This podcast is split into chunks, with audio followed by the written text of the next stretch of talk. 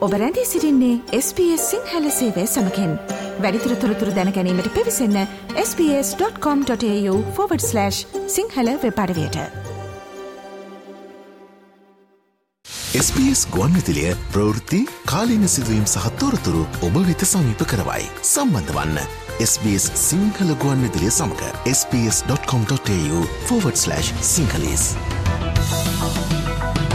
දැන් අපි සූදානම් වෙනවා එහෙමනම් ශ්‍රී ලංකාවෙන් මේ වෙනකොට වාර්තාවන දේශපාලනික තත්ත්වීති පිළිබඳව කතා බහ කරන සතිය ශ්‍රී ලාංකීය පුවත් විමසුම සුපුරුදු පරිදි සඳුදා දවසේ අද ආරම්භ කරන්න. මේ වර්ෂයේ අවසාන කාල සීමාව නිසා දේශපාලන ශේත්‍රයේ යම් නිහඬියාවක් දකින්නට ලැබෙන කාලච්ඡේදයක් නමුත් මේ සතියේදී යම් යම් සුළු කාරණා කිහිපයක් තියෙනවා අපිට කතා බහ කළ හැකි. අපි ඒ පිළිබඳව අවධානය යොමු කරමින් එහෙමනම් අද සාකච්ඡාව ආරම්භ කරනවා. විශේෂයෙන්ම පළාත් පාලන මැතිවරණයේ සම්බන්ධව පසුගිය කාලවකවානුවේ විශේෂිත කතාබහක් තිබුණා මේක දිගින් දිගටම කල් දැමීම සම්බන්ධව පෙත්සම් පිළිබඳව විවිධ පාර්ශවයේ සම්බන්ධව ඉදිරිපත් කරන අදහස් යෝජනා පිළිබඳව පාර්ලිමේන්තුවේ සම්බන්ධව කතාබහ කරන දේ පිළිබඳව එපමණක් නෙවෙයි දැන් මැතිවරණ කොමිසමේට මේ සම්බන්ධව යම් බලයක් ලැබිලා තියෙනවා. තීන්දුව తీරන ගැනීම සඳහා ඒ පිළිබඳව වන තොරතුරුත් කොහොමද කියලා අපි විමසලා බලමු. ශ්‍රී ලංකාවේ සිට තොරතුරු වාර්තාකරණයට සූදානමින් සිටින මාධ්‍යවේදී මනෝජ් උදටියාවල සුපුරුදු ලෙසින්. ආයුබෝවන් සුබෝදෑසනක් මනෝජ්.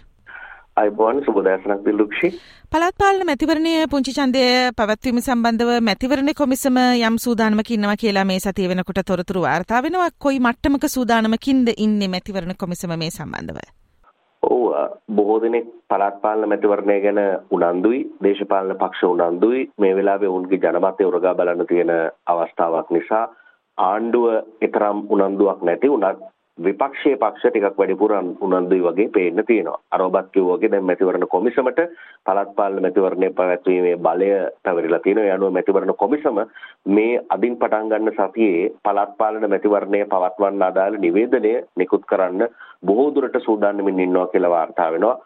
කලින් කිව්වේ දෙසැම්බර් අන්තිම සතියේ මැතිවරණය සඳහා නාම යෝජනා කඳවන්න ප්‍රකාශයට පත් කරනවා කියලා කොවුනත් මේ සතියේ ඊට අදාළ නිවේදනය නිකුත් කරයි කියලා විශ්වාස කරනවා.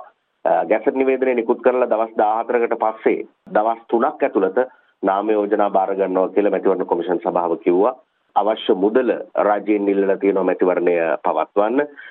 ඒ සඳහා රුපියල් බිලියන 10ක විතර මුදලක් අවශ්‍යයි කියලා මැතිවරණ කොමිෂන් සභාව සඳහන් කරලා තියෙනවා. ඉතින් ඒ ඊට අවශ්‍ය මුදල් දැනට ලබා ගන්න උත්සාහ කරනවා කියලා වාර්තා වෙලා තියෙනවා. එහෙන් බැලුවොත් මැතිවරණ කොමිසම තවන්ට පැවරලා තියෙන බලය අනුව පළාත් පාලන මැතිවරණේ තියන්න සූදානම් වෙන බවක් තමයි පේන්න තියෙන්නේ. ඔව් ඒත් එක්කම අපි දකිනවා මේ පසුගිය කාලවකවානුවේදී මේ අරගලයෙන් පස්සේ ශ්‍රී ලංකාවේ දැන් වත්මන් ආණ්ඩුවේ යම් යම් පාර්ශව කොටස් කීපයකට බෙදුනා. උත්තර ලංකා සභාගය පිහිටවාගෙන ඉන්නවා. එතකොට විමල් වීරවංශ ඇතුළු කණ්ඩායම, ඩලස් ඇතුළු කණ්ඩායම, නිදහස් ජනතා සභාව පිහිටවා ගත්තා. ඊට අමතරව අනුර ප්‍රියදර්ශනය ආපය ඇතුළු කොටසක් හිටියා. දැන් මේ වගේ විවිධ කොටස් ඉන්නවා. දැන් මේ කණ්ඩායම් ඇත්තටම බිහි කරගත්තේ ඉදිරි මැතිවරණ ඉලක්ක කරගෙන වෙනස් ගමන් මාර්ගක යන්න. දැන් එතකොට මේගොල්ලන්ගේ සූදානම මොකක්ද මේ ඉදිරි පුංචි ඡන්දය වෙනුවෙන්? පළාත් පාලන මැතිවරණය වෙනුවෙන්. මේගොල්ලෝ වෙනම තරඟ කරනවද වෙනවද නැත්නම් ප්‍රධාන පක්ෂත් එක්ක එකතු වෙනවද? ඒ සම්බන්ධව වාර්තා වන තොරතුරු මොනවාද? ඔව් යම් ආකාරයකට සඳහනගත වෙන්න උත්සාහයක් තියෙනවා. එක්සත් ජාතික පක්ෂය සහ ශ්‍රී ලංකා පොදු ජන පෙරමුණ මුලින්ම සඳහනගත වීමේ සූදානමක් පිළිබඳව වාර්තා වෙනවා. ඔවුන්ගේ මහලේකම්වරයා සාගර කාර්යවසම් නීතිඥවරයාත් සඳහන් කරලා තිබුණා. ජයග්‍රහණයක් වෙනුවෙන් එම නැත්නම් මැතිවරණයක් වෙනුවෙන් එහෙම උත්සාහයක් ගන්න එකේ ගැටලුවක් නැති බව. ඊට පස්සේ නිදහස් ජනතා ව්‍යාපාරය ඒත් එක්ක උත්තර ලංකා සභාගය සහ ශ්‍රී ලංකා නිදහස් පක්ෂය ඔවුන් යම් විදියකට සන්දානගත වෙන්න තියෙන උත්සාහයන් පිළිබඳව වාර්තා වෙලා තියෙනවා. සමගි ජනබලවේගයේ සන්දානගත නොවුනත් ඔවුන් තනිව තරග කරන්න සූදානම්. ඒත් එක්කම ජාතික ජනබලවේගයත් මේ මොහොතේ Tamanගේ භූමියේ තියෙන ජනතා කැමැත්ත මොකක්ද කියලා උරගා බලන්න වෙනම තරග කරන්න සූදානමින් ඉන්නවා. ඉතින් මේ අනුව බැලුවට පස්සේ ගොඩක් පක්ෂ සඳහනගත වෙන්න උත්සාහයක් තියෙනවා විශේෂයෙන්ම එක්සත් ජාතික පක්ෂය සහ ශ්‍රී ලංකා පොදු ජන පෙරමුණ. ඔය ඩලස් හිටපු අමාත්‍යවරයා ශ්‍රී ලංකා නිදහස් පක්ෂ උත්තර ලංකා සභාවේ මෙවැනි කණ්ඩායම් එකතු වෙලා සාකච්ඡා කරලා තියෙනවා එවැනි සන්දානගතව මැතිවරණට ඉදිරිපත් වීම පිළිබඳව. නමුත් සන්දානය සකස් කරනකම් එක් එක් පක්ෂ වෙන වෙනම Tamanගේ ඡන්ද කොට්ටාස සඳහා අපේක්ෂකයින් පුංචි ඡන්ද ඉලක්ක කරගෙන නම් කරන්න තීරණය කරලා තියෙනවා. එකතු වුණාට පස්සේ එකම නාම යෝජනා ලැයිස්තුවක් සකස් කරත් යම් ආකාරයකින් මේ එකඟතාව අවසන් එකඟතාවක් වෙනකන් ඔවුන් වෙන වෙනම නාම යෝජනා සකස් කරන්න තීරණය කරලා තියෙනවා. ඉතින් මැතිවරණයකදී සන්ධානගත වීම සාමාන්‍යයෙන් අපේ රටේ පොදු සිරිතක්. එින්ද ඒ අනුව සන්ධානගත වේවි. පුංචි පුංචි කණ්ඩායම් දැන් මේ පහුගිය කාලේ බල පෙරළියෙන් පස්සේ වෙනස් වුණු කණ්ඩායම් විදියට.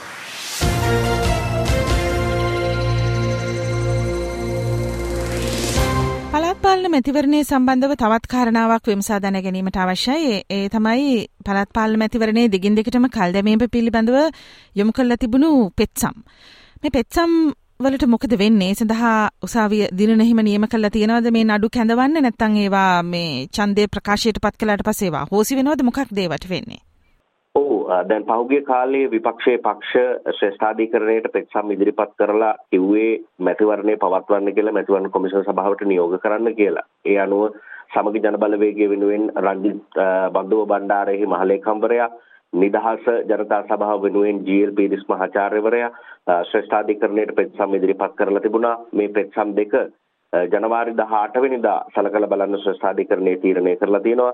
ශ්‍රී ලංකා නිදහස් පක්ෂය වෙනුවෙන් එහි මහලේකම් දෑසිරි ජයසේකර සහ දෙවන ජාතික සන්ධානය වෙනුවෙන් එම්.ඒ. සුමන්තිරන් කියන මහත්වරු මේ පෙත්සම් වලට සහයෝගය ලබා දෙන්න ඒක රාශී වෙලා ඉන්නවා. ඉතින් අනු බැලුවම පස්සේ මේ පෙත්සම් සලකා බැලීම ජනවාරි 18 වෙනිදා සිද්ධ කරන්න දැනට දින දීලා තියෙනවා, දින නියම කරලා තියෙනවා.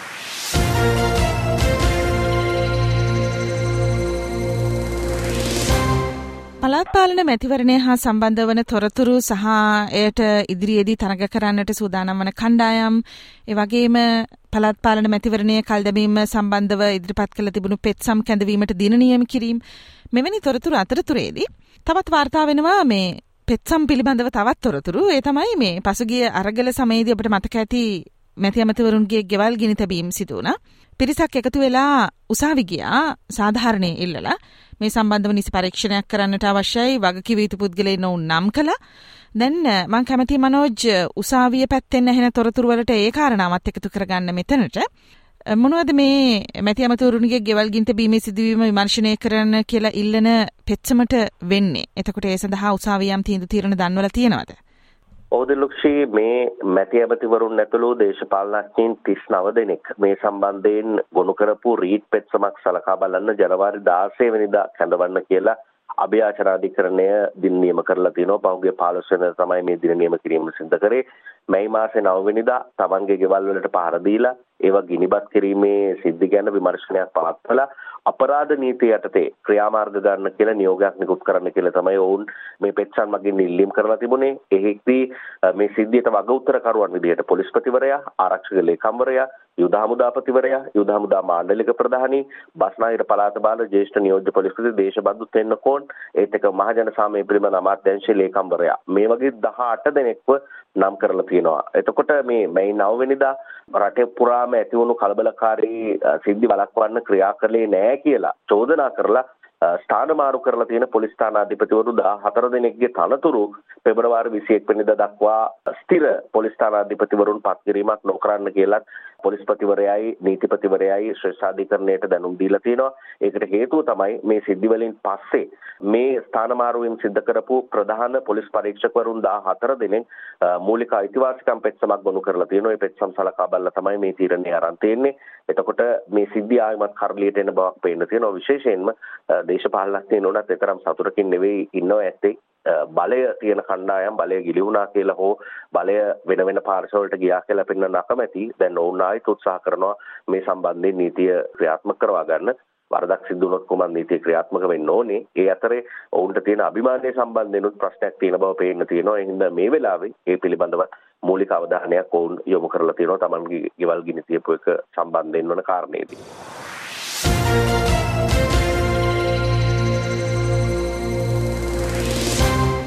ගෙවිලා ගිය සතියේ ශ්‍රී ලංකා ජනාධිපති රනිල් වික්‍රමසිංහ කැඳවලා තිබුණා සර්වපාක්ෂික සමුළුවක්. බොහෝ දෙනෙක් සහභාගී වුණා සහභාගී නොවිච්ච අයත් හිටියා. සහභාගී නොවුණු පාර්ශව ඇයි සහභාගී නොවුනේ කියන කාරණාව පිළිබඳව දැනගන්න කැමති. ඒ වගේම සහභාගී වුණු පාර්ශව සර්වපාක්ෂික සමුළුවේදී මේ ජාතීන් අතර සංහිඳියාව පිළිබඳව ඉදිරිපත් කරපු කාරණා විශේෂිත කාරණා පිළිබඳවත් ඔබෙන් සමාලෝචනයක් විදිහට දැනගන්න කැමතියි මනෝජ්.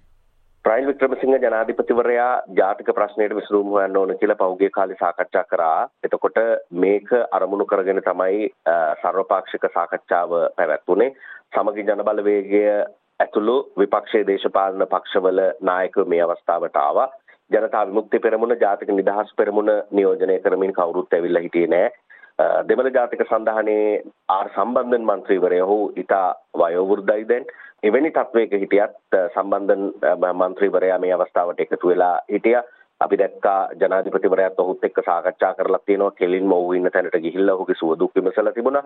දෙමළ ජාතික සන්ධානයේ ප්‍රධාන ඉල්ලීම වෙලා තිබුණේ මෙතනදී දෙමළ දේශපාලන සිරකරුවන් නිදහස් කර ගැනීම ඒත් එක්කම උතුරේ ඉඩම් අයිතිය ගැන යම් තහවුරුවක් ලබා ගැනීම මේ ගැන ජනාධිපතිවරයාත් එක්ක සාකච්ඡා කරලා තියෙනවා. ජනාධිපතිවරයා කියලා තියෙනවා මේ සම්බන්ධයෙන් පාර්ලිමේන්තුව සාකච්ඡා කරලා විශේෂයෙන්ම අගමැතිවරයා විපක්ෂ නායකවරයා කතානායකවරයා දෙමළ පක්ෂ නියෝජිතයින් මේ අය කතා කරලා ඊට විසඳුමක් ලබා ගමු කියලා යෝජනා කරලා තියෙනවා. ඉතින් ඊට පස්සේ මේ යෝජනාව පාර්ලිමේන්තුවට ඉදිරිපත් කරලා Taman තීන්දුවක් ගන්න සූදානම් කියලා ජනාධිපතිවරයා මේ අවස්ථාවේ කියලා තියෙනවා. ඉතින් මහින්ද රාජපක්ෂයට ජනාධිපතිවරයාත් මේ අවස්ථාවට සහභාගී වුණත් ඔහු ඒ ගැන කිසිවක් කතා කරලා නැහැ. නිහඬව නිශ්ශබ්දව හිටියා කියලා තමයි වාර්තා වෙන්නේ.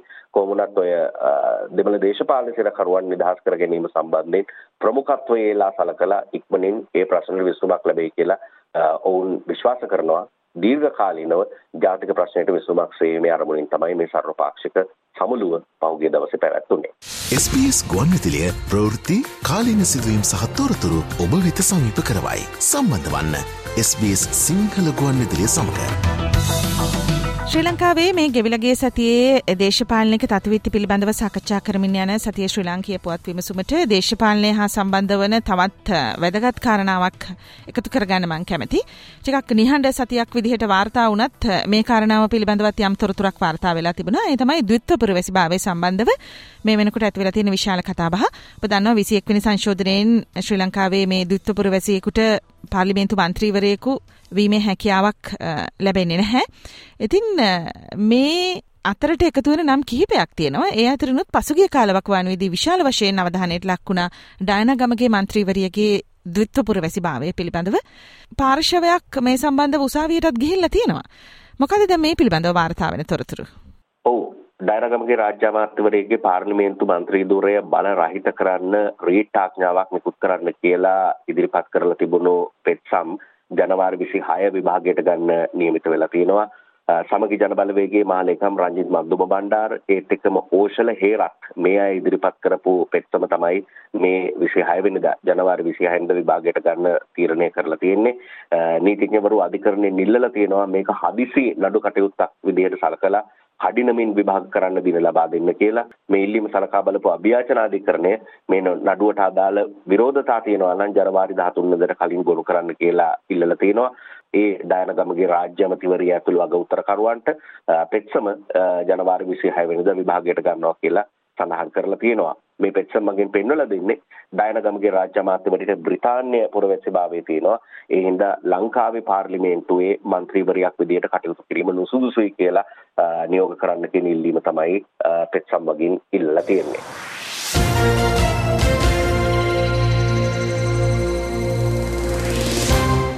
රටේ ආර්ථිකය පිළිබඳව කතා බහ කරද්දි මේ සතිය වෙනකොට වාර්තාවන අලුත් තොරතුරු දැනගන්න කැමති අපි දන්නවා අන්තර්ජාතික මූල්‍ය අරමුදලත් එක්ක සිදු කරන සාකච්ඡා තාමත් පැවැත්වෙනවා. දැන් මේක මේ බාලගිරි දෝෂයේද මන් දන්නේ තාමත් මේක වෙන්නේ නැත්තේ කියලා තමයි බොහෝ දෙනෙක් අහන්නේ. හැබැයි ඉතින් තාක්ෂණික මට්ටමේ සාකච්ඡා ඇතුළු මේ සාකච්ඡා වාර ගණනාවක් පැවැත්වීමෙන් තමයි මේ මුදල් අනුමත වෙන්නේ කියන කාරණාව මේ පිළිබඳව කරුණු දන්නා අය වටහාගෙන ඉන්නේ. නමුත් දැන් මේවා කොයි මට්ටමේද තියෙන්නේ කියන කාරණාවත් දැනගැනීම අවශ්‍යයි. මොනවද ඒ සම්බන්ධව වාර්තාවන තොරතුරු? ඔව් විශේෂයෙන්ම IMF එකෙන් ණය ලැබෙන්න නම් ණය ප්‍රතිව්‍යුහගතකරණයට ණය හිමිව එකඟ වෙන්න ඕනේ. ඇතැම් රාජ්‍ය විශේෂයෙන් චීනය වැනි රටවල් එක්ක සාකච්ඡා කරලා අවසන් එකඟතාවයකට ඇවිත් නැහැ. එහෙම වුණොත් දෙසැම්බර් මාසේ ණය ගන්න තියෙන අවස්ථාව බොහෝ දුරට මාර්තු දක්වාවක් කල්යයි කියලා වාර්තා වෙනවා. ඉතින් ඒ අතරේ අනෙක් ක්‍රියාකාරකම් සිද්ධ වෙනවා. අපි දැක්කා ලංකාවේ ආර්ථිකයේ ගැඹුරු අවපාතයකට වැටෙන්න ඉඩක් තියෙනවා කියලා ලෝක ප්‍රකට බ්ලූම්බර්ග් වෙබ් අඩවිය අනාවරණයක් කරලා තිනවා ඊට හේතු විදියට ඔවුන් කියලා තියෙන්නේ ලංකාවේ දැඩි මූල්‍ය ප්‍රතිපත්තියයි ආසියාවේ වේගවත්ම උද්දමනයේ බලපෑමයි ශ්‍රී ලංකාවේ ආර්ථිකයට තවදුරටත් ඒ කියන්නේ ශ්‍රී ලංකාවේ ආර්ථිකය අඩපණ කරන්න බලපාන්න පුළුවන් කියලා. ඒත් එක්කම ඇමරිකන් ඩොලර් මිලියන 74.8යි 7ක යම් විදිහක 2023 අවුරුද්දේ ඉඳලා 27 අවුරුද්ද දක්වා ලංකාවේ උපාය මාර්ගයක සැලසුම ලෝක ආහාර වැඩසටහනේ විධායක මණ්ඩලය අනුමත කරලා තියෙනවා. ශ්‍රී ලංකා ක්‍රමෝපායික සැලසුම 2023 ජනවාරි ඉඳලා බලාත්මක වෙනවා. ඒක ශ්‍රී ලංකාවේ ජාතික ප්‍රතිපත්ති රාමුව වගේම එක්සත් ජාතීන්ගේ තිරසර සංවර්ධන ප්‍රතිපත්ති රාමුවත් එක්කත් අනුකූලයි කියලා තමයි මේ ඇමරිකන් ඩොලර් බිලියන 74.8යි 7ක උපාය මාර්ගික සැලසුම ලෝක ආහාර වැඩසටහන අනුමත කරලා තියෙන්නේ. එවැනි තත්ත්වයක් තමයි ආර්ථිකය සම්බන්ධයෙන් වාර්තා වෙන්නේ බොහෝ රටවල් සමග එක්කාසු වෙලා ණය ලබා ගන්න උත්සාහ කරනවා. යම් විදියකට උද්දමනය පාලනය කරන්න උත්සාහ කරනවා. ඒ අතරේ ලෝකේනොත් ආර්ථික තත්ත්වය පිළිබඳව රතු එලි දැල්වෙමින් තියෙන බවක් තමයි තවදුරටත් පේන්න තියෙන්නේ.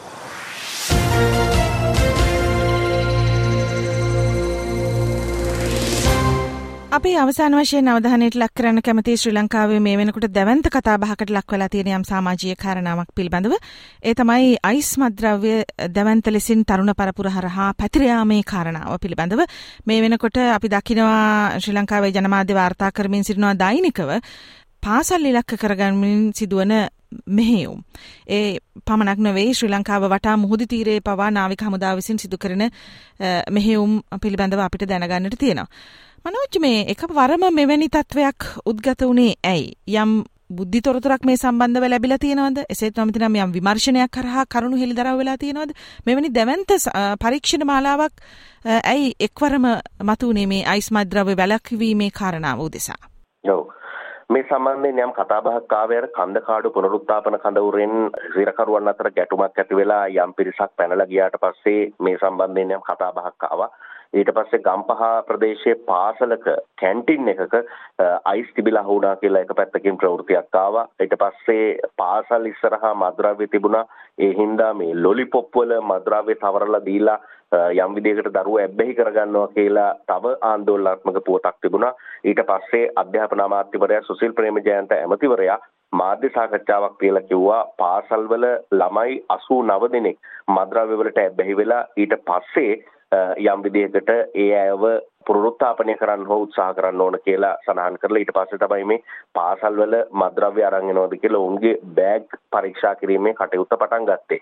ඒ අතරේ අපි දැක්කා අයිස් මද්‍රව්‍ය සම්බන්ධයෙන් නීතියේ තරම් ක්‍රමවත්ව එහෙම නැත්නම් අවශ්‍ය ප්‍රතිපාදන සකස් වෙලා තිබුණේ නැහැ. අයිස් මද්‍රව්‍ය අතරට පහුගිය කාලේ සින්තටික් මද්‍රව්‍යයක් විදිහට තමයි එකතු වෙලා තියෙන්නේ. ඒ හින්දා විසමද්‍රව්‍ය ආඥා පනත සංශෝධනය කරලා අයිස් මද්‍රව්‍ය ග්‍රෑම් පහක් ළඟ තබා ගත්තු කෙනෙකුට මරණ දඬුවම හරි ජීවිතාන්තය දක්වා සිර දඬුවම් හරි නියම කරන්න හැකි වෙන විදිහට නීති බලාත්මක කරන්න කටයුතු කරලා තිබුණා. මේ තත්ත්ව ගැන දිගින් දිගටම සාකච්ඡා කරද්දී පහුගිය දවස්වලත් විශාල මද්‍රව්‍ය ප්‍රමාණයන් මුහුදේදී අත්අඩංගුවට ගත්තා.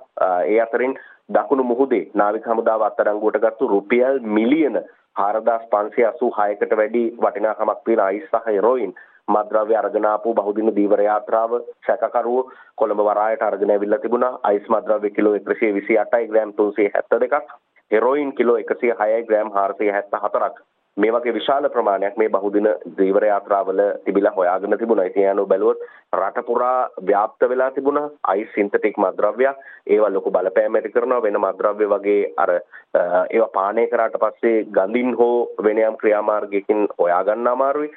නීති ප්‍රමාණාත්මකව තිබුණේ දැන් පාසල් මේවා ආක්‍රමණය කරගෙන තියෙනවා. ඒ අනුව දැවැන්ත වැඩපිළිවෙලක් ක්‍රියාත්මක වෙලා තියෙනවා. පාසල් මට්ටමින් මේවා ව්‍යාප්ත වීම පාලනය කරන්න. නමුත් කාන්තා පිරිමි දෙයංශයේම පාසල්වල දරුවන් සහ දැරියන් අයිස් මද්‍රව්‍ය වලට යොමු වුණු අවස්ථා පිළිබඳව තොරතුරුත් ඒ අතරේ අහන්න තියෙනවා අර අධ්‍යාපන අමාත්‍යවරයා කිව්වා වගේ ඔවුන්ට හමු වෙලාම තිබුණා පාසල් ළමයි 89 දෙනෙක් මේ මද්‍රව්‍ය වලට බැහැ වෙලා ඉන්න.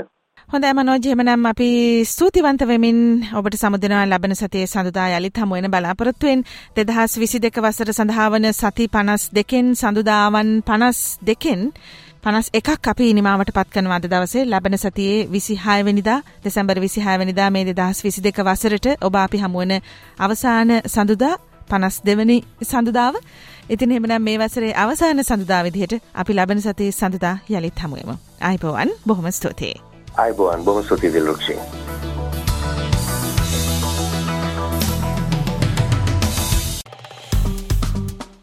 ලයි කරන්න ෂයා කරන්න අදහස් ප්‍රකාශ කරන්න SBS සිංහල ෆස්බුක් පිටුව ෆලෝ කරන්න.